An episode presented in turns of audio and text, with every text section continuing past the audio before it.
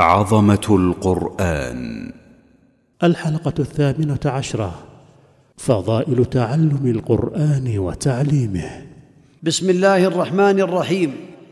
الحمد لله رب العالمين والعاقبة للمتقين والصلاة والسلام على سيد المرسلين وعلى آله وأصحابه أجمعين.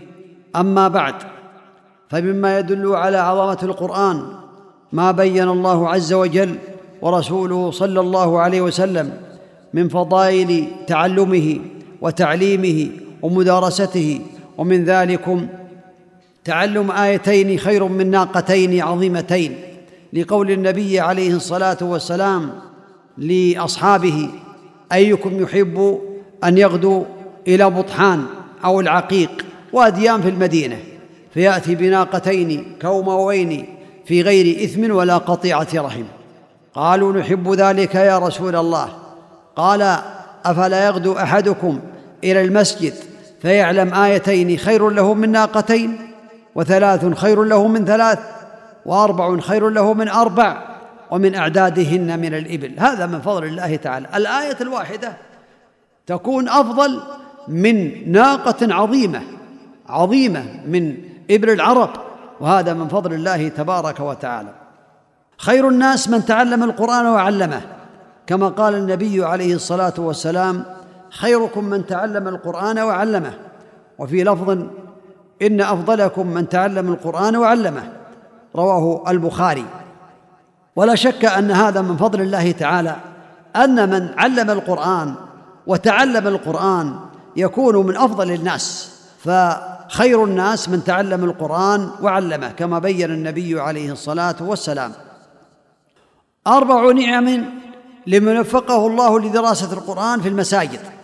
ما اجتمع قوم في بيت من بيوت الله يتلون كتابه ويتدارسونه بينهم إلا نزلت عليهم السكينة وغشيتهم الرحمة وحفتهم الملائكة وذكرهم الله في من عنده. ومن بطأ به عمله لم يسرع به نسبه والحديث رواه مسلم. وهذا من فضل الله تعالى على عباده وعلى أهل القرآن. أربع فضائل عظيمة لمن وفقه الله عز وجل للقعود مع قوم يذكرون الله تعالى سواء بقراءة القرآن أو بذكر الله تبارك وتعالى. كما قال النبي عليه الصلاة والسلام لا يقعد قوم يذكرون الله إلا حفتهم الملائكة وغشيتهم الرحمة ونزلت عليهم السكينة وذكرهم الله في من عنده. رواه مسلم. وهذا من فضل الله تعالى على عباده. يجب الإخلاص في قراءة القرآن وفي تعليمه وتعلمه فإن التعليم والدراسة من أعظم الأمور ومن أعظم العبادات فينبغي بل يجب على العبد أن يخلص عمله تعالى لله تعالى في ذلك.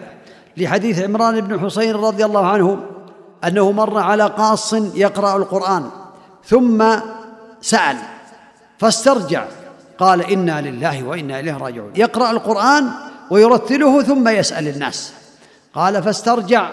ثم قال سمعت رسول الله صلى الله عليه وسلم يقول من قرأ القرآن فليسأل الله به فإنه سيجيء اقوام يقرؤون القرآن يسألون به الناس. رواه الترمذي وحسن الألباني رحمه الله تعالى. فيجب على العبد أن يخلص عمله لله.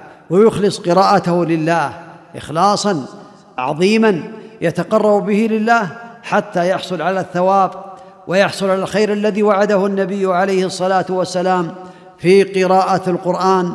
فإن قراءة القرآن بالتدبر هي من أفضل الأعمال وتدارسه كذلك ومن يقوم بتعليمه الناس يكون أفضل الناس كما بين النبي عليه الصلاة والسلام.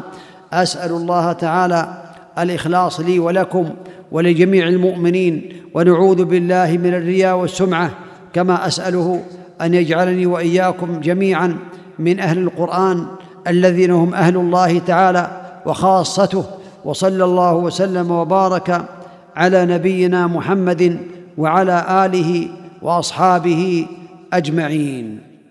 جزى الله الشيخ خير الجزاء وجعله في ميزان حسناته. والسلام عليكم ورحمة الله وبركاته.